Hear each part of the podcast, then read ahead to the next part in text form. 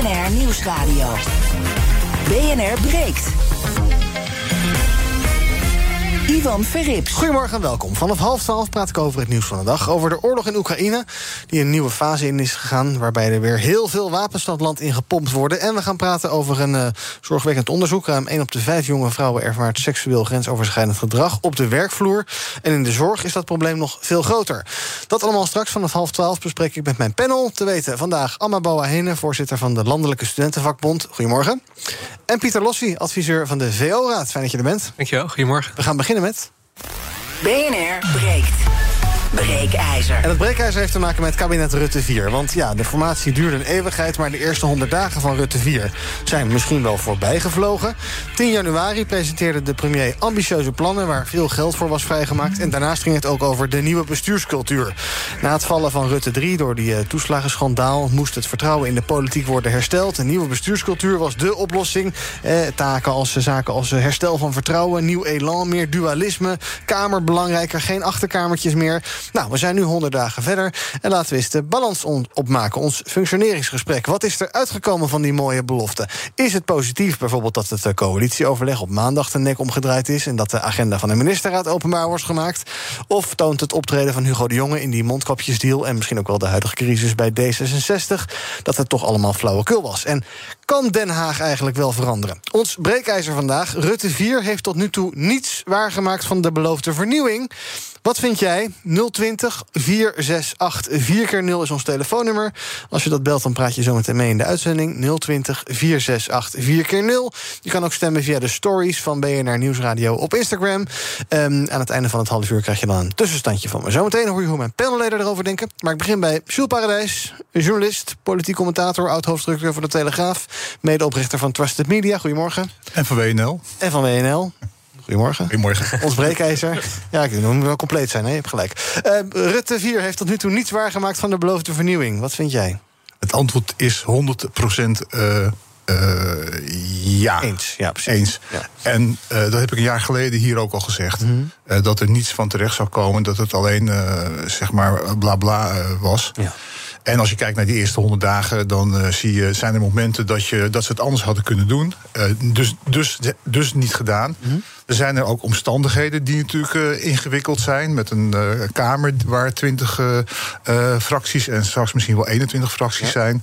Je, je, hebt te maken gehad met het einde van de coronacrisis. Met allerlei kwesties die speelden rond bijvoorbeeld Hugo de Jonge. Ja. Een heel rare toestand dat hij als minister van Wonen opeens verantwoording gaat afleggen voor iets wat hij daarvoor heeft gedaan. Is dat nieuwe bestuurscultuur? Of dat is natuurlijk een monstrum. -huh. Als je dat, als je dat als je kijkt naar de staatsrechtelijke positie van dit kabinet. En het, het, laatste is natuurlijk, zeg maar, we zitten midden in een oorlogsdreiging, hè, Oekraïne. Dus dat heeft ook uh, consequenties. Uh, je hoofd staat er dan, denk ik, als kabinet ook niet zo naar. Want mm -hmm. je, moet, uh, je moet voort. Maar alles wat je ziet. Bewijst dat de mooie woorden van Rutte. inmiddels ja, gelogen straf zijn. En, en, dat heeft, en dat zie je ook nu met die D66 MeToo-kwestie. Ja, de, de, politiek corrumpeert. Ja. dat is eigenlijk het, het, punt dat je.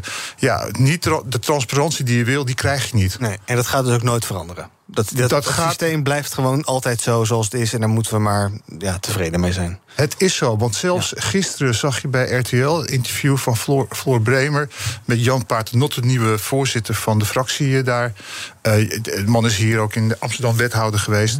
Natuurlijk helemaal geen slechte vent. Maar ook hij zit net zoals al die andere leden uh, van D66... die knokken voor die partij in hun maag... Uh, met wat daar dus in die top uh, gebeurt... als het gaat over de bescherming van ja. de partij... de bescherming van Kaag, de, een prominent lid dat beschermd wordt. Ja, en het is wanstaltig, lelijk... Uh, we gaan een rondje panel doen en daarna gaan we even de uh, diepte in. Uh, Pieter, onze breekijzer vandaag, Rutte 4, heeft tot nu toe niets zwaar gemaakt van de beloofde vernieuwing. wat is jouw indruk? Ja, ik zou bijna willen zeggen, al draagt een aap een gouden ring, het is en blijft een lelijk ding. En dat zie je, nou, dat is nu uh, ook gebeurd. Dat uh, de rotte appel, waarvan heel veel Nederlanders hebben geconcludeerd uh, dat dat eigenlijk de personificatie van Rutte 3 was. Mm -hmm dat hij in een nieuw elan uh, cadeaupapiertje is ingepakt. Maar dat het intrinsiek nog steeds nou, verkeerd zit. En dat zie je aan een liegende Hugo de Jonge... die heel moeilijk zijn excuses kan aanbieden. Dat zie je aan een D66 die beeldvorming boven de veiligheid van medewerkers zet. Dat zie je ook aan het feit dat toeslagenouders veelal nog steeds niet gecompenseerd zijn. Dat zie je aan de falende compensatiemaatregelen die getroffen zijn voor de Groningers. Die massaal in de rij moesten staan om uh, aanspraak uh, te kunnen maken op uh, subsidie. dat zie je ook aan het feit dat de broeikasgasuitstoot. Ja, nee, daarom. belangrijk thema natuurlijk. Klimaat ook. broeikasgasuitstoot stijgt in plaats van dat het significant zou moeten dalen. dus op heel veel van die dossiers waar heel veel Nederlanders denk uh, bij Rutte 3 van hebben geconcludeerd dat het daar uh, nou, niet goed mee ging. Uh, zien we nog steeds niet die significante verbetering die ja. nou, door Rutte 4 beloofd werd. Ja. Heb je wel de indruk dat het kabinet zijn best heeft gedaan om te veranderen? Of is het eigenlijk vanaf het begin vooral iets voor de bühne geweest en we gaan gewoon lekker door met wat we deden? Nou ja, ik vind het wel goed dat er heel veel nieuwe mensen op ministerposten terecht zijn gekomen. Ik denk wel dat je een probleem dus niet kan oplossen met de denkwijze die het heeft veroorzaakt. En dus heb je een nieuwe aanwas nodig van mensen met nieuwe ideeën. Uh, maar blijkbaar zit het rot hem echt uh, uh, toch ook rond Rutte en de fractievoorzitters die ook al in Rutte 3 aanwezig waren. en blijkt die nieuwe aanwas tot nu toe, in ieder geval naar mijn indruk, niet voldoende in staat te zijn om die rotte appel wat frisser te maken. Oma, nou, kijk of jij nog iets anders te melden hebt hierover. Rutte 4 heeft tot nu toe niets waargemaakt van de beloofde vernieuwing. Ja, ik ben bang dat ik er niet een heel positiever verhaal heb. Het, het, vertrouwen van Nederlanders in de politiek is historisch laag. En ik kan me dat ook heel goed voorstellen als je ziet dat er zoveel is misgegaan onder Rutte 3. En dat het nu gewoon een, eigenlijk een doorstart is van grotendeels dezelfde mensen die aan de knoppen zitten. Dat, dat versterkt het vertrouwen niet. En je ziet inderdaad wat Pieter ook al zegt. je ziet het ook aan de resultaten dat het niet beter wordt. Mm. En ik denk dat we gewoon echt even een hele nieuwe frisse wind in Den Haag nodig hebben. En, en dat kan volgens mij niet met Rutte. Nee. Uh, en dat liegen en omheen draaien, dat, dat blijft elke keer terugkomen. En zolang dat aan de hand is, gaat het vertrouwen in de politiek volgens mij ook niet hersteld worden. jullie zijn natuurlijk allebei best om het onderwijs bezig. Daar is een nieuwe minister, Robert Dijkgraaf. Zie je daarin bijvoorbeeld dan wel iets dat je denkt van nou, dat geeft mij een soort fris gevoel van hé, hé dat is eigenlijk wat nieuws. Zit het echt in de vastgeroeste personen die doorgaan en doorgaan en doorgaan? Nou, ik denk wat wel heel goed is, bijvoorbeeld aan de minister van Onderwijs, is dat het iemand is die ook echt zelf uit het onderwijs komt. Dus dat is, dat is niet zomaar een, een bestuurder die daar op een willekeurige post is neergezet, maar wel iemand die echt iets weet van, van de groep eh, die die vertegenwoordigt. Dus dat vind ik wel heel positief. En ik zie ook dat Robert Dijkgraaf, eh, waar wij natuurlijk zelf dan ook wel regelmatig contact mee hebben, dat hij ook probeert om transparanter te zijn richting de Kamer. Maar ik denk ja, ik, ik, denk dat het nog steeds heel lastig blijft als je ook als, als minister van Onderwijs gewoon het beleid moet uitvoeren dat gemaakt wordt door mensen uh, ja, die we niet kunnen vertrouwen. Rutte 4 heeft tot nu toe niets waargemaakt van de beloofde vernieuwing. 020 468 4 keer 0 is ons telefoonnummer. Ik ga zo meteen Henry en Jeroen aan het woord laten en Ardi ook, want die belt op dit moment hm. over een paar minuutjes. Uh, uh, Jules, nog even een voorbeeldje uit de praktijk van nu. Uh, vanmiddag praat de Tweede Kamer bijvoorbeeld over dat spaartaxdebakel. Ja. Dat gaat miljarden kosten, hoe dan ook. daarmee komt dan staatssecretaris Van Met opties naar de Kamer, waar de Kamer dan over mag gaan praten. Vroeger was dat misschien anders gegaan, had het kabinet gezegd: dit willen we, succes ermee. Zie je daar iets van een poging tot nieuwe bestuurscultuur? Ik probeer maar eventjes ook nou, een ziet... op te nemen voor Rutte 4, want jullie zijn zo vernietigend allemaal. Kijk, ik zit er zelf heel simpel in. Uh, dat fictief rendement uh, idee komt bij Zalm en bij Vermeend vandaan, heel lang geleden. Toen, toen, had ik al een probleem, ondanks dat de rente toen uh, best veel hoger was dan nu. maar de, het heeft iets onrechtvaardigs. Nou, vast vastgesteld is door de rechter dat, uh, dat, er, dat het een foute, eigenlijk illegale heffing is geweest. Dus er zijn heel veel mensen die niet in aandelen zitten, niet in vastgoed, maar gewoon sparen voor hun pensioen. En die mensen hebben onterecht zeg maar belasting betaald. Dus dat geld dat moet gewoon terug. En dan zijn er nu al partijen, eh, omdat die op twee opties op, uh, op tafel liggen. Bijvoorbeeld omzicht zit er ook in, anders in dan bijvoorbeeld ik. Ik zeg gewoon, iedereen moet gecompenseerd worden. Mhm. Nee, je ziet bij omzicht, maar bijvoorbeeld ook bij GroenLinks... zie je dat ze nu zeggen van ja, laten we nou alleen de kleine spaarders gaan compenseren. En wat is dan klein? Dus dat, eh, maar wat je met Van Rij ziet, en dat is een man met ambitie, wilde eigenlijk premier worden van Nederland. Dat is toen eigenlijk mislukt. Met hem eh, heeft het kabinet wel een, iemand eh, in, in de eigen gelederen die heel goed aanvoelt dat je die Kamer eh, moet betrekken Ja. in wat je doet. Hè. En het is een heel ingewikkeld dossier, want er gaat zoveel geld eh, gaat er, moet er terug. Hè. Geld wat ze eigenlijk willen besteden aan andere dingen. En wat ik ook wel heel eh, een beetje raar vind, eh, waarom ga je die, eh, deze kwestie eerder compenseren dan bijvoorbeeld die toeslagenouders? ik, ik, Ja. bedoel, ik zit zelf ook in hetzelfde schuitje, want ik heb ook een fictief rendement. En ik, ik vind eigenlijk dat de moeders en de Ja, vaders jij kan wel even wachten. dat die voorgaan. Ja, precies. Hè? Dat zou ook misschien nieuwe bestuurscultuur zijn. Je- Ja, maar dat heeft te maken met eh, computersystemen en eh, allerlei, allerlei ingewikkelde Ja. bezwaren. Maar toch, eh, dit is een kwestie. Hè, want kijk, nogmaals, dit kabinet heeft te maken met een paar, met een paar grote issues. Mhm. En het derde grote issue naast corona en de Oekraïne is natuurlijk dat de afspraken in de regeerakkoord, ja, die gelden niet meer. En dan en zeggen ze, ja, er moet eigenlijk nieuwe, nieuwe, er moeten kosten worden bespaard. En we gaan meer belasting heffen op inderdaad de wat, wat rijkere Nederlanders. Vind ik eh, tot daar aan toe, dan zeg ik ja, er zijn zoveel extra uitgaven. Hè. Studenten eh, willen meer geld. Ja, defensie. Defensie. eh, eh, dan zeg ik ja, ga maar even wat bezuinigen op de extra uitgaven die je in dit regeerakkoord Mhm. hebt afgesproken. Dus inderdaad, haal overal bijvoorbeeld 10% vanaf. Nou, als het gaat over het, over het stikstofbeleid, praat je al over misschien wel 3 miljard euro. En ga gewoon dat lijstje langs. Geen, geen kilometerheffing, geen rekening rijden. Ja. Al die mooie klimaatdoelen. Nou, stel die maar een jaar of tien eh, uit. Maar ga, ga niet nu de hele boel, eh, eh, het hele belastingstelsel op zijn, op, op, opnieuw renoveren. Alleen maar omdat je geld nodig Ja. hebt. Ik denk dat eh, daar mensen in deze zaal zijn die het er niet mee eens zijn. Daar kom ik zo nog wel even op terug, over dat klimaatverhaal. Eerst een paar bellers, die reageren op ons breekijzer. Rutte 4 heeft tot nu toe niets zwaar gemaakt van de beloofde vernieuwing. Even kijken wie het langst aan de telefoon hangt te wachten. Dat is Henry, of Henry, goedemorgen. Goedemorgen. Zeg het maar. Met Henry van den Berg. Zeg het maar. Ja, ik vind dat eh, de eh, cultuur waar jullie het over hebben. Het start. eh, eh, de, functioneert we beginnen met een startgesprek. Mhm. En daar zou een nieuwe cultuur moeten komen. Nou, daar geloof ik gewoon niet in. We hebben gewoon een cultuur en die cultuur die is er. Je kan wel processen veranderen, dat wel. Maar cultuur is omgang. En als ik dan zie dat je dat met de Tweede Kamer moet doen. En ik kan me nog eh, goed herinneren de gemeenteraadsverkiezingen. Dan heb je een, een mevrouw Marijnissen. Die heeft de slogan in de commercials: De leugens van Rutte. Mhm. En als je op die manier cultuurverandering wil inbrengen en je gaat zo tekeer als een botte buil, dan denk ik, ja, daar komt helemaal geen ene duvel van terecht. Nee, dus het moet van meerdere kanten komen, de verandering, zeg jij. Dank voor het bellen. Jeroen, goedemorgen. Hoi, goedemorgen Iwan. Zeg het maar. Eh, ik ben het oneens. Eh, Mark werkt zich volgens mij helemaal suf. Mark Eh, Rutte is dat, denk ik, toch? trots op hem. Ja, Ja. eh, maar mijn vraag is... zal het niet beter zijn als onze koning eh, van Nederland... eh, weer de formatie eh, zal moeten leiden? Want de formatie duurde wel heel erg lang. Ja, dat is een goede vraag. Ik weet niet of het per se met bestuurscultuur te maken heeft... maar daar komen we zo meteen wel eventjes op terug. Dank voor het bellen. Ardi, goedemorgen. Goedemorgen, Ivan. Zeg het maar.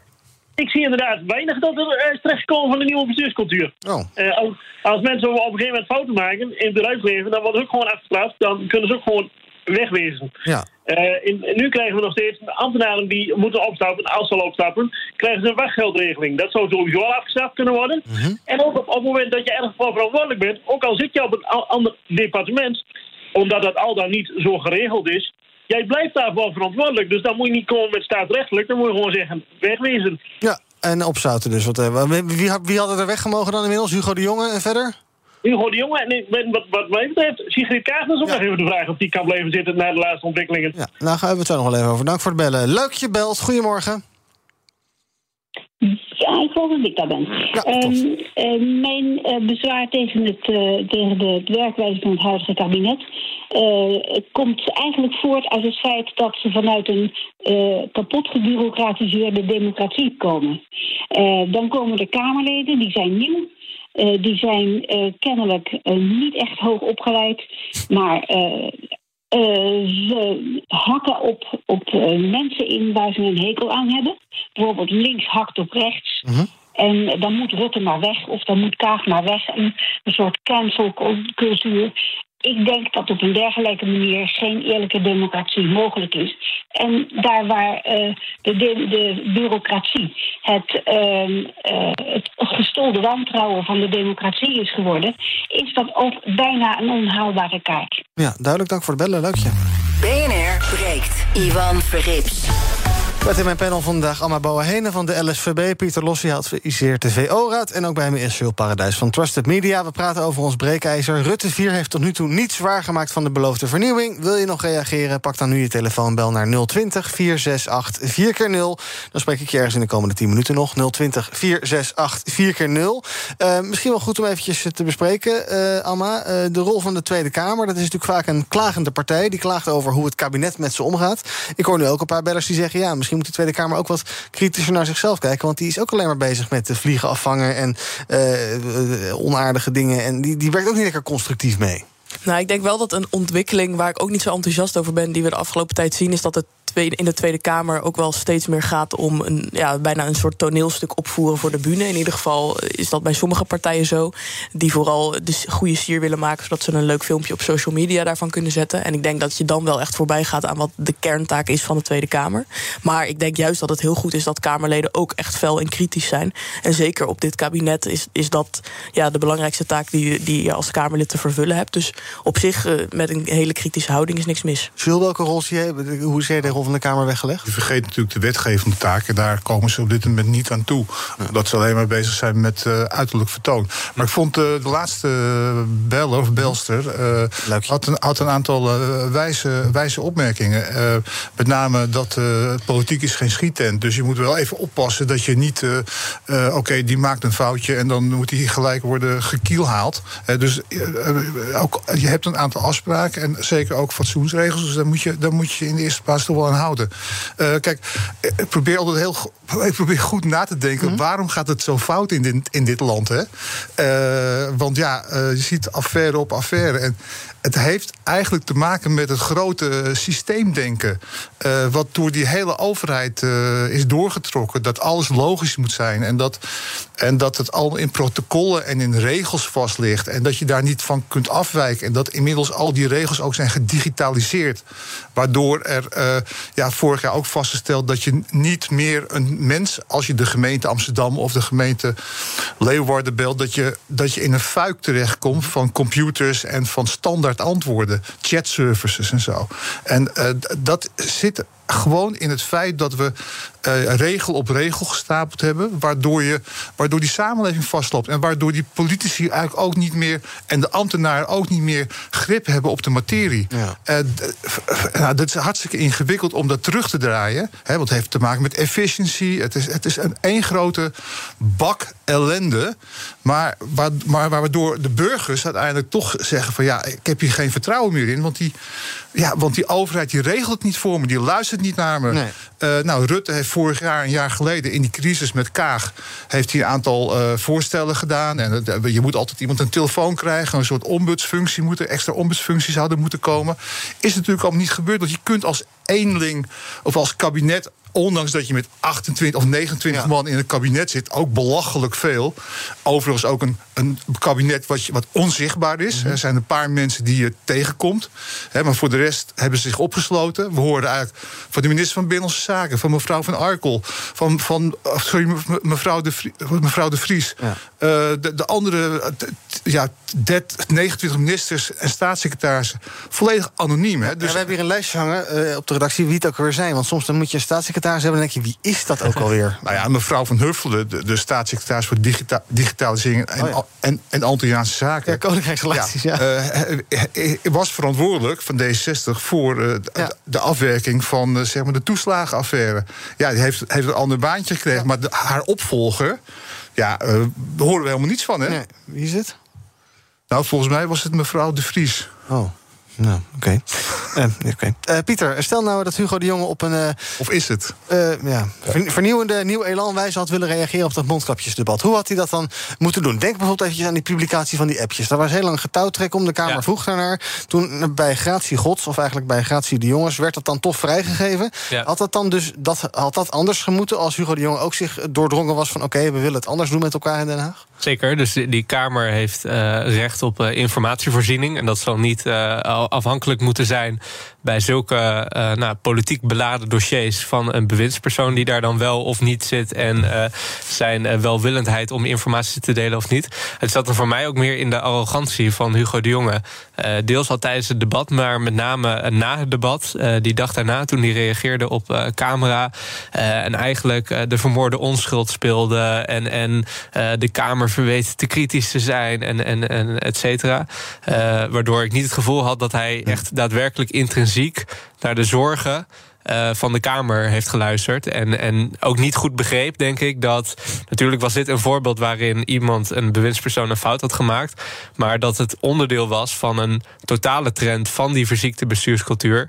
waar eh, de politiek gedacht tegen zou moeten zeggen. Ja, ja, ook de dag later dat hij reageerde... dat hij zich toch wel heel erg aangevallen voelde. weet je. Ja, precies. Eh, Alma, voordat we naar de laatste bellers gaan... waar ligt jouw grootste wens nou als het gaat om ja, een wat prettiger Den Haag? Zit dat in betere o- openbaarheid van informatie? Zit dat in eh, meer geld naar de sociale advocatuur? Wat, hè, wat wa- ook een van die plannen was dat uit Rutte's uh, opsomming... met zijn radicale ideeën in Nieuwsuur. Eh, is dat dan toch meer doorzichtigheid over waar overleggen plaatsvinden? Wat, wat staat bovenaan jouw lijst? Nou, ik zou zeggen dat het belangrijkste doel moet zijn dat het vertrouwen in de politiek weer hersteld wordt. En dat het daarvoor heel belangrijk is dat als politici een misstap hebben begaan. Het hoeft niet per se zo te zijn dat ze dan altijd gelijk opstappen. Maar dat ze daar in ieder geval eerlijk over zijn. Dat ze oprecht hun excuses aanbieden. En ik denk ook dat het heel belangrijk is dat er meer uitleg komt waarom bepaalde dingen zo gaan. We hoorden net al het voorbeeld van de toeslagenaffaire. Dat ouders daar nu nog steeds niet voor gecompenseerd zijn. Dat begrijpen mensen niet. Ik begrijp het zelf ook niet. En ik denk dat je, als je dat soort dingen niet kunt uitleggen als kabinet, dan ben je echt niet goed bezig. Ja, is Den Haag klaar voor meer eerlijkheid? Of uh, hakt de Tweede Kamer dan uh, de, de, kop van het kabinet eraf? Als, ze zijn als, altijd, als, als, als altijd klaar. Zegt, ik weet het niet. Nee, maar kijk, kijk naar een minister. Kijk wat Hugo de Jong is overkomen. Een minister die dan s'avonds met twee tassen naar huis gaat... en tot s'avonds 12 uur allerlei dingen moet gaan tekenen. Is toch niet van deze tijd. Uh, dat hele gedoe rond het e-mail van Dissel... gisteren in de Volkskrant, hè, gebruikt ook zijn privé-e-mail. Ja, waarom? Omdat we die wereld zo ingewikkeld hebben gemaakt. Dus gaan die mensen dat doen. Ze zijn van vlees en bloed. En we hebben, de materie is, onhanteer, is onhanteerbaar geworden... Door al, die, door al die systemen en protocollen... dat je het de politici ook wel heel erg moeilijk maakt... want ze kunnen bijna geen kant op. Ze doen hun best, daar ben ik van overtuigd... Uh, maar, maar ze kunnen bijna niet uh, acteren, omdat... Uh, omdat dat, die, om, de, om de, de, het beleid, ja, het systeem... Het systeem wij kunnen, als wij er zouden zitten, zouden we het ook niet kunnen. Oh. Ja, hebben we het geen, geen ministerspost voor uh, Jules Paradijs? Media of zo? Ja, maar dat is een heel ander verhaal. Oh, daar gaan we elkaar hebben. Tot slot van het half uur nog een paar bellers. Uh, op uh, breekijzer van vandaag. Rutte 4 heeft tot nu toe uh, niets zwaar gemaakt van de beloofde vernieuwing. Martin, goedemorgen. Goedemorgen. Zeg het maar. Ja.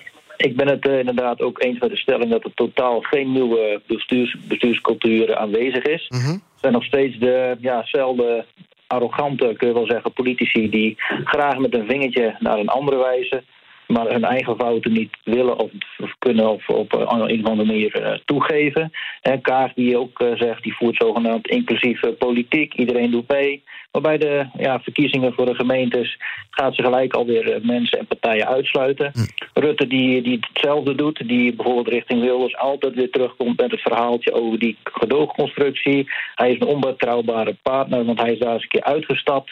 Rutte die, die dus heel makkelijk voor foutje van, van jaren geleden daar nog steeds over, over begint. Ja. Maar zelf uh, stapelen ze affaire op affaire. Uh, vervolgens liegen en bedriegen ze. En dan komen er nieuwe verkiezingen. En dan vinden ze zichzelf nog wel capabel genoeg om zichzelf daar weer neer te zetten. Dus dat, dat is gewoon de arrogantie ten top. Dus uh, ze zijn niet betrouwbaar, vaak niet capabel. En ze zijn ja, gewoon arrogant en, en liegen en, en, bedriegen gewoon. En dat, dat kan gewoon niet. En, en, en wij zijn als volk zijn hopelijk een keer wakker geworden. En, en, ja. En, En beseffen nu dat dit soort mensen daar gewoon eh, zitten. Gewoon voor hun eigen, eh, om hun eigen hachje een beetje te redden. Daar lijkt het elke keer op. Het zie je ook met Hugo de Jonge. Het is, het is, eh, ja, het, het is niet voor niks dat, dat, dat mensen of geen vertrouwen meer in de politiek hebben... of zich er ook al niet meer voor interesseren. Want het komt elke keer op hetzelfde neer. Er, er verandert niks. Dank voor het bellen, Martin. Sascha, goedemorgen. Ja, goedemorgen. Zeg het maar. Ja, nee, ik, uh, ik, ik ben het eens met de stelling. En uh, ik moet zeggen dat ik het eigenlijk heel ernstig vind dat uh, dat, dat, het, dat dat de staat is van onze, van onze democratie. -hmm. Dat zoveel mensen daardoor het vertrouwen verliezen in politiek. En dus ook je historisch lage opkomsten ziet bij verkiezingen... omdat ze toch al niet meer geloven dat er wat gaat veranderen. En je daarmee ook steeds weer tot eenzelfde uitslag komt. Hoe kan het überhaupt dat er een Rutte 4 is, vraag ik me af. En uh, ja, ik, dat neem ik ze eigenlijk het meest kwalijk hè, van, van, uh, van, van het hele verhaal. Is dat uh, de burger zodanig vertrouwen verliest dat hij niet eens meer naar de stembus toe gaat. Nou, dan mag je jezelf toch wel even flink in de spiegel aankijken. Dank. En Bas, tot slot. Goedemorgen. Hallo, met Bas. Zeg het maar. Ja, dus um, ik ben het uh, oneens. Um, ik, want ik denk, uh, want er werd net ook een, een, stelling gemaakt van dat de kiezers hebben die historisch laag vertrouwen in, het, in de politiek. Mhm. Maar uh, als we dus, dus we hebben net verkiezingen gehad en iedereen heeft 100% gestemd op de beschikbare volksvertegenwoordigers waarin zij het meeste vertrouwen hebben. Dus die stelling, uh, je, je, kan dat niet uh, loslaten op de uitslag van de verkiezingen. De verkiezingen zijn gewoon wel 100% gewoon volgens een democratische wijze uitgevoerd. Ja. En als je zeg maar, uh, zeg maar het oneens bent met de politiek, dan is het dus de bedoeling in, de, in een democratie dat je dus zelf een nieuwe stroming op gaat zetten om dat te bewerkstelligen. En da daar ontbreekt het gewoon aan. Er moet gewoon, het volk moet meer opstaan uh, en eensgezins worden. En dat gebeurt het niet. Blijven, mensen blijven alleen maar vanuit de bühne dingen roepen en zonder oplossingen aan te komen dragen. En heel veel dingen worden uh, gedraaid uh, om hun gelijk te zetten. Maar ja. En, en dit, dit, is de grote valkuil van de democratie, denk ik. En als we niet opletten, wordt er ons ondergaan. Duidelijk. Dank Bas voor het bellen. Aan de slag dus iedereen en ook wij als uh, kiezers zijn. Ik dank Jules Paradijs van Trusted Media en van de Telegraaf. Fijn dat je erbij was. Op uh, Instagram is 88% het eens met onze stelling. En dus kunnen we concluderen dat Rutte 4 de spullen wel vast kan inpakken. In ieder geval als het gaat uh, om het inhoudelijke verhaal. Zometeen praten wij verder over het nieuws van de dag. Over de situatie in Oekraïne, waar Rusland lijkt te zijn... Doei Jules. Je gaat er vandoor, hè? Nog een drukke dag vandaag? Heel druk. Een beetje van de zon genieten of niet? Nee. Nee? Echt aan de slag? Gewoon, we gaan gewoon... Uh, gewoon lekker kaartwerk. Heel kaartwerk. Oké, okay. hey, dankjewel. Tot ziens. Doei. Uh, en we praten over al het andere nieuws. seksueel grensoverschrijdend gedrag op de werkvloer. Maar liefst één, hij is ook gewoon echt weg. Maar liefst één op de vijf vrouwen heeft daar ervaring mee. En um, ik ga even achter Jules aanrennen om een handje te geven. Gaan wij zo meteen door met het tweede deel van BNR Breek. Tot zo. Bij BNR ben je altijd als eerste op de hoogte van het laatste nieuws. Luister dagelijks live via internet. Jelle Maasbach. Wesley Weert. We zijn er voor je met het leukste, opvallendste, maar natuurlijk ook het belangrijkste nieuws. Tijdens de presentatie van die halfjaarcijfers toen die beurskoers in elkaar kukkelde. BNR Beurs. Voor de slimme belegger. Blijf scherp en mis niets. Blijf scherp. BNR Nieuwsradio. BNR breekt. Bye. Ivan Verrips. Welkom terug. In mijn panel vandaag Pieter Lossi, adviseur van de VO-raad... en Amma Boahene, voorzitter van de LSVB, de Landelijke Studentenvakbond. We gaan praten over het nieuws van de dag. Te beginnen in Oekraïne. De situatie daar eh, blijft gespannen. Nu het Russische plan om Kiev in te nemen niet is gelukt... gaan ze over, sinds gisteren eigenlijk, nou ja, iets daarvoor misschien al... naar een eh, andere strategie. Dus, uh, president Volodymyr Zelensky die zegt... ja, we kunnen stellen dat de Russische troepen de strijd om de Donbass zijn begonnen... en daar hebben ze zich al lang op voorbereid. En om Oekraïne te steunen worden er ontzettend veel wapens naar het land gestuurd door allerlei westerse landen. De VS bijvoorbeeld hebben vorige week nog 800 miljoen eh, daarin gestoken aan wapens in Oekraïne. Gaan dat eh, binnenkort weer doen, is de aankondiging. Dus dan zit je op anderhalf miljard in een week tijd. Ook Nederland stuurt meer wapens, ook zwaardere wapens. Er is ook wat geheimzinnigheid over wie wat levert. Ehm, ja, dat land dat komt dus uh, ramvol te zitten met wapens. Maar winnen doet het niet, Pieter. Um... Ja, dat, dat zal nog moeten blijken. Ik denk dat, dat Poetin uh, een voorspoediger verloop van de oorlog had uh, verwacht. En dat hij ook niet met allerlei troepen richting Kiev zou zijn gegaan. als hij van tevoren had geweten dat hij Kiev niet had kunnen innemen. Dus wat dat betreft, allerlei kleine winstjes. die, die vinden denk ik wel aan de kant van Oekraïne plaats. Maar dat betekent nog niet dat de totale oorlog door Oekraïne inderdaad gewonnen is. Er is ook wat uh, mysterie over wie bijvoorbeeld vliegtuigen levert. Zo zegt het Pentagon in de VS. Zegt uh, ja, uh, Oekraïne heeft nu meer vliegtuigen tot zijn beschikking om ehm, ja, in, de, in de strijd te gebruiken. Maar wie die heeft geleverd, weten we niet. Althans, dat zeggen ze niet. is het goed dat, dit, dat, dat die hulp aan Oekraïne allemaal een beetje in het geheime gebeurt? En dat daar misschien wat minder transparantie over is dan je normaal zou wensen?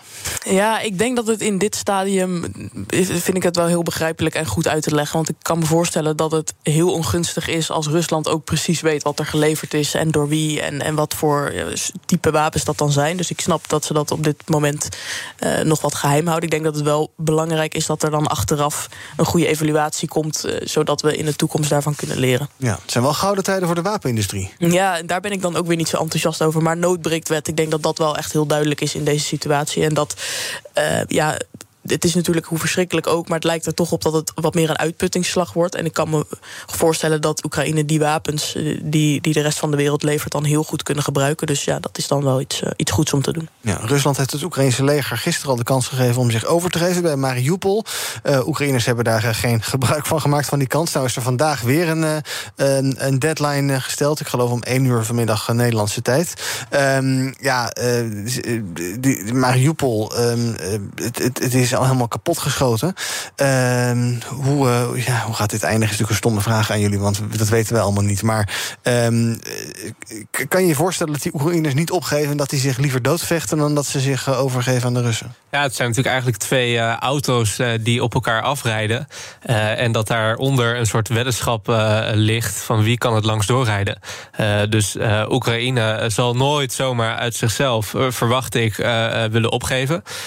omdat nou, dat voor het hele imago en voor al die uh, uh, doden, ook vanuit het leger, die zijn gevallen, natuurlijk ontzettend nou, schadelijk en zonde zou zijn. en tegelijkertijd zal Poetin zich ook niet zomaar terugtrekken naar alle ravage die hij al heeft aangebracht. Ja. Ehm, dus nou ja, het is een soort gevangen dilemma waarin twee constant door blijven strijden, totdat één uiteindelijk hopelijk de verstandigste zal zijn. Maar uh, op het moment dat iemand een verstandige keuze gaat maken, zal dat betekenen dat hij qua eigen belang waarschijnlijk zal moeten inschikken. En dus is het de vraag uh, wie van de twee partijen dat uiteindelijk zal gaan doen. Ja, of komt er dus tot een enorme crash en rijden die ja, auto's gewoon door? Precies. En dan, uh... dat lijkt me nu het meest plausibel, ja. ja okay. ander nieuws van vandaag um, heeft te maken met een onderzoek van het CBS en TNO. Een op de vijf vrouwelijke medewerkers geeft aan last te hebben gehad van ongewenste seksuele aandacht of intimiteiten.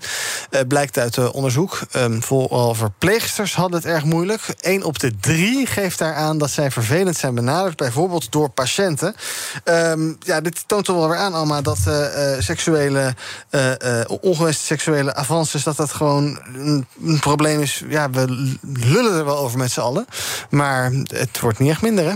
Nee, het is één op de drie. Ik vind dat echt uh, een bizar aantal. Dat betekent, ja, het is zo normaal dus geworden. Ik denk ook dat, dat heel veel vrouwen die je het vraagt... misschien ook zelfs wel hun schouders erover ophalen... omdat het zo tot de dagelijkse praktijk behoort. Terwijl het iets is wat absoluut niet eh, genormaliseerd zou, zou moeten worden. Dus ja, er is heel veel actie nodig. En ik denk ook dat er af en toe horen we natuurlijk nu in de media verhalen van uitschieters of van mensen met veel macht die dit soort dingen doen. Maar deze cijfers laten wel zien dat het echt een probleem is dat dat overal zit. En dat niet alleen maar bij een paar uh, machtige mediamagnaten zit, maar dat het echt iets is waar, waar gewoon iedereen mee te maken kan krijgen. Ja. En dat het ook een, een cultuuromslag vraagt van, van heel Nederland. Ja, ja, eigenlijk ook welke vrouw je het ook vraagt. Iedereen heeft, ze hebben allemaal wel eens negatieve ervaringen gehad. Dan wel op straat, dan wel op werk, dan wel waar dan ook. Het is gewoon een probleem dat blijkbaar diep in onze samenleving zit. Jij zegt er is veel actie nodig. Um, ja, waar? Waar zit dat probleem? Is dit uh,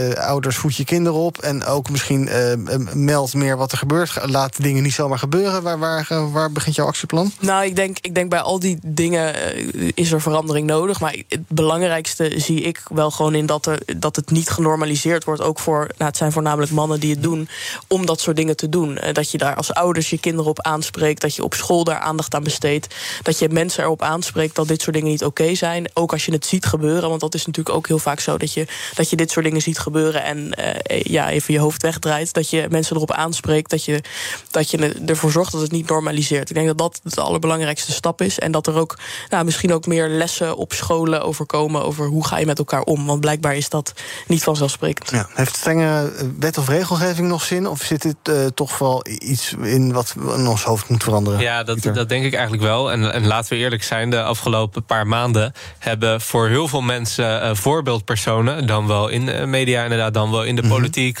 eh, BN'ers, eh, niet echt het goede voorbeeld gegeven. Eh, we hebben nog steeds een Kamerlid, namelijk Dion Graus, die in de Kamer zit, terwijl heel duidelijk is dat hij ook grensoverschrijdend gedrag heeft getoond. Ja, dan ga je niet voldoende inderdaad die slag naar een andere omgangscultuur met elkaar kunnen maken. Dus ik zou met name een oproep willen doen aan die leiders. Gedraag je en spreek je uit. Ehm, we gaan naar Thomas. Bij BNR ben je altijd als eerste op de hoogte van het laatste nieuws. Luister dagelijks live via internet. Jelle Maasbach, Wesley Weert. We zijn er voor je met het leukste, opvallendste, maar natuurlijk ook het belangrijkste nieuws. Tijdens de presentatie van die halfjaarcijfers toen die beurskoers in elkaar kukkelde. BNR Beurs. Voor de slimme belegger. Blijf scherp en mis niets. BNR breekt. Met toch wel weer veel interessante onderwerpen. Mijn panel bestaat vandaag uit eh, Amma Boahene van de LSVB, de Landelijke Studentenvakbond. En Pieter Lossi, adviseur van de VO-raad. Wij gaan kijken naar eh, wat jullie zelf opviel in het nieuws. Ehm Amma, ik geloof jij trouwens ook, Pieter. Jullie willen het allebei hebben over mentaal welzijn. Want uit recent onderzoek blijkt dat jongeren ongelukkiger zijn dan eerst. En ouderen juist gelukkiger. Eh, dus het gaat eh, eh, niet zo goed met de jongeren en wel goed met de ouderen. Wat, hoe moeten we dit nieuws duiden, Amma? Ja, het gaat niet goed met de jongeren, inderdaad. Het is eh, al een paar jaar aan de hand dat er een dalende eh, trend is in eh, hoe gelukkig of hoe tevreden jongeren zijn. Dat was eigenlijk voor de coronacrisis al aan het dalen. Eh, ter illustratie, in 1997 waren jongeren nog de gelukkigste bevolkingsgroep. En nu zijn ze het minst gelukkig. Dus dat is echt wel een alarmerend signaal. En het is iets wat ja, heel veel gelinkt wordt aan de coronacrisis. Maar waarvan ik denk dat we ook niet moeten vergeten dat het ook daarvoor al aan de hand was. Omdat de druk die er op jongeren ligt tegenwoordig gewoon steeds groter wordt. En dat veel jongeren, ook zeker in die fase van hun leven, dat gewoon niet goed trekken. Ja. Paar cijfers. Vorig jaar zei 81% van de jongeren tussen 18 en 25 dat ze gelukkig zijn. Ehm, ook, en het was het jaar daarvoor 88%. Ook zeggen eh, minder jongeren tevreden te zijn met hun leven. Vorig jaar 77%. Ehm, ja, het leven is natuurlijk niet altijd een feestje ook. Dus is dat heel erg dat niet iedereen altijd eh, juichend uit bed komt van... oh, wat is het toch geweldig en wat is het leven toch leuk en wat ben ik toch blij. Ja, hoort het er ook een beetje bij dat het ook wel eens ups en downs zijn? Ja, ik denk dat die cijfers vooral laten zien, ook als je het vergelijkt dus tussen jongeren en ouderen, dat er een aantal structurele dingen heel anders zijn voor jongeren nu, wat die situatie verergert. Eh, een, een huis kunnen kopen of kunnen huren is niet meer vanzelfsprekend. Een vaste baan vinden is niet meer vanzelfsprekend. Veel jongeren hebben schulden, studieschulden. Eh, er zijn allerlei problemen die, die wij als jongeren in de toekomst moeten gaan oplossen. Een klimaatcrisis, een economische crisis. En dat zijn allemaal dingen die voor de jonge generatie heel erg spelen. Terwijl ouderen dat natuurlijk vaak helemaal niet hebben. Die zitten al, eh, die hebben het al goed voor elkaar in een koophuis. Eh, die hebben een, een goede baan of een goed pensioen waarop ze kunnen teren. En die verschillen, dat ga je dus ook zien in, in dat soort cijfers. En dat zegt ook wel heel duidelijk, wat mij betreft, dat er echt iets moet gedaan worden aan de situatie van jongeren. Dus niet alleen te focussen op dat mentale welzijn, maar ook aan bijvoorbeeld de financiële positie van jongeren. Ja, toch Pieter, de problemen die je allemaal noemt, eh, studieschuld, eh, woningmarkt, dat zijn ook dingen waar je als individu niks aan kan doen. Je kan niet zeggen, jij bent niet schuldig aan het feit dat je geen huis kan kopen. Maar dat, trekken die jongeren zich dus wel heel erg aan, wat logisch is. Ja, want ze krijgen wel mee te maken Moeten als ze individu zijn. iets dikkere huid kweken? Nou ja, kijk, als je 25 jaar geleden eh, dus inderdaad kijkt... dan gaf 91% van de jongeren aan eh, gelukkig te zijn. Eh, nu is dat 80%. Eh, en ik, ik kan best geloven dat dat misschien een stukje zit in weerbaarheid. Dat wil ik best geloven. Maar dit is geen incidenteel cijfer. Als je zo'n duidelijke trend laat zien, dat is een structureel cijfer. En we hebben afgelopen 25 jaar ontzettend veel economische groei gehad. Maar dat is dus blijkbaar niet ten goede gekomen aan geluk. En dan heb ik zoiets van, uh, van jongeren in ieder geval. Mm -hmm. waar zijn we met z'n allen mee bezig? Ja. Als we zo voor ons gevoel allemaal vooruit zijn gegaan als samenleving... maar het lukt niet om de jongste generatie... die het langst nog moet leven in dit land... gelukkig te maken. ze zijn alleen maar ongelukkiger geworden. Wat denk ik deels ook ligt juist in die focus... op die economische groei en prestatiemaatschappij... en constant profileren. dan denk ik dat we echt verkeerd bezig zijn... en dat we echt... nou, moeten gaan nadenken over wat van waarde is in de samenleving voor jongeren. Ja, en dat die ja, verdeling van brede welvaart beter moet. Onder andere, ja. ja. Uh, jij wil het hebben over Joe Biden. Die ja. heeft tegen allerlei bonnen, waaronder Barack Obama, gezegd dat hij uh, over uh, twee jaar toch mee wil doen aan de presidentsverkiezingen. Hij heeft ook gezegd, naar het schijnt dat hij de enige is die het tegen Trump kan ja. opnemen. Bij ABC News zegt Biden zelfs dat het opnieuw opnemen tegen Trump hem juist extra motiveert om te strijden voor een tweede termijn. Luister even mee. I'm in good health. Then in fact, I would run again. And if that means a rematch against Donald Trump? You're trying to tempt me now. sure.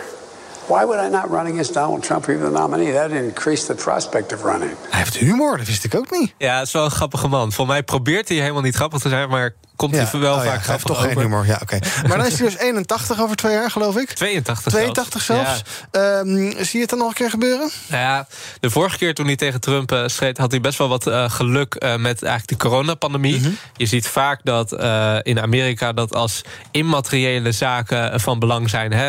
LBTI-rechten, coronapandemie, gezondheid... dat met name de democraten daarop floreren. Dat zijn echt thema's die bij de democraten hangen. En als je kijkt naar het verleden... meer economische thema's, hè, uh, no new taxes mm -hmm. van uh, Bush, dat met name de Republikeinen daarvan profiteren. en nu heb je natuurlijk wel echt door die ontzettend hoge inflatie en de Fed die rentestanden gaat verhogen en noem maar op, dat het economisch systeem knelt. En dat ik me dus afvraag of Biden voldoende zich economisch ook kan profileren richting dat Amerikaanse volk. Als je gaat kijken naar approval ratings van Biden, dan staat er ook niet heel goed bij. Nee, heel slecht zelfs. Ja, ja. toen Obama zich uh, voor de herverkiezingen in 2012 uh, kandideerde tegen Mitt Romney, uh, had hij 45 tegen 45 procent. Dus 45 procent had approval, 45 procent geen approval. bij Biden is dat 42 tegen 52. Mm -hmm. Uh, dus een meerderheid van de mensen uh, approven uh, Biden niet. En bij Kamala Harris is dat nog lager. Ja. Dus zij doet het eigenlijk nog slechter dan Biden. Terwijl je over het algemeen ziet dat vicepresidenten in de Verenigde Staten juist vaak populairder zijn dan de president. Dus ik denk dat we aan deze mensen in die strijd tegen Trump niks hebben. En dat je zou moeten kijken naar twee andere mensen. dat kan Piet Buttigieg zijn. Die was nu ook in Nederland voor de Invictus. Games. Nu minister van Transport in het kabinet Biden. En is zich daar aan het profileren. En blijkt ook volgens peilingen, zeggen niet alles... maar de populairste minister te zijn onder een vrij brede groep aan mensen. Ik kan me voorstellen dat hij ook de mensen rechts van het politiek spectrum weet aan te trekken. En ervoor kan zorgen dat zij zich niet laten verleiden door de rechtsextremistische praatjes van Trump. of je hebt Deval Patrick, een man van uh, 65 jaar. En dat is een Afro-Amerikaanse man die zich ook uh, wil nomineren. En hij is nu gouverneur geweest.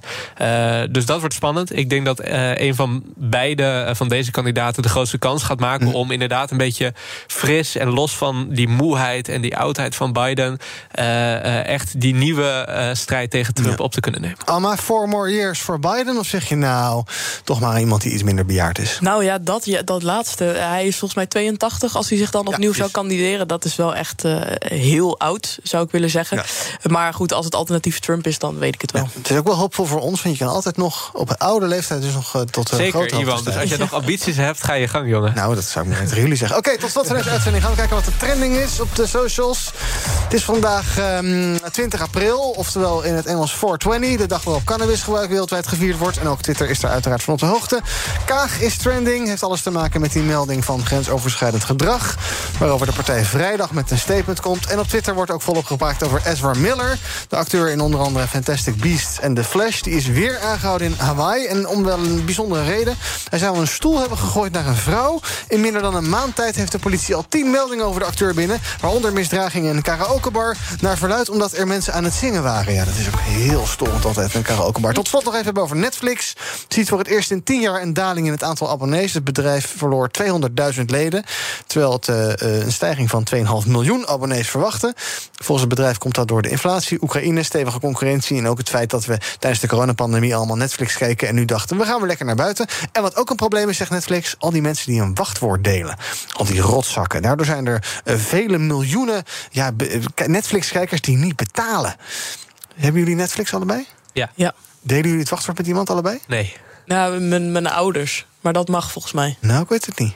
Jawel, want je kan toch ook zo meerdere zo familie-account. Ja, ja familie-account uh, hebben. legit. Ja. Nou, Netflix wil er geloof ik wel iets aan gaan doen uiteindelijk. Dat, uh, dat al dat uh, delen uh, stopt van wachtwoorden met hele studentenhuizen en dergelijke. En wat ze ook weer gaan kijken is um, experimenteren met een goedkoper abonnement. Maar dat je er wel reclames krijgt tussen je filmpjes door. Dat lijkt me niks. Waarom niet? Ja, dat Minder dan, betalen? Nee, ja, en dan die reclame. Nee, dat zou ik, dan betaal ik wel beetje... liever wat, wat extra. Oh, toch wel? Oké, okay. dat wel, ja, Pieter? Ja, een beetje het Spotify-model. Hè? Ja. Dan heb je ook uh, gratis muziek luisteren, maar dan wel allemaal irritante reclames tussendoor. Uh -huh. ja, prima, ze, ze, moeten doen wat ze willen doen. Uh, ik vond het uh, heel frappant dat Netflix qua beurswaardering nu op pre-coronapandemie niveau staat. Uh -huh. terwijl ze zo gefloreerd hebben in die coronapandemie. Ja. dus dat er misschien hervormingen binnen dat bedrijf moeten plaatsvinden, ja, dat zal misschien nodig blijken.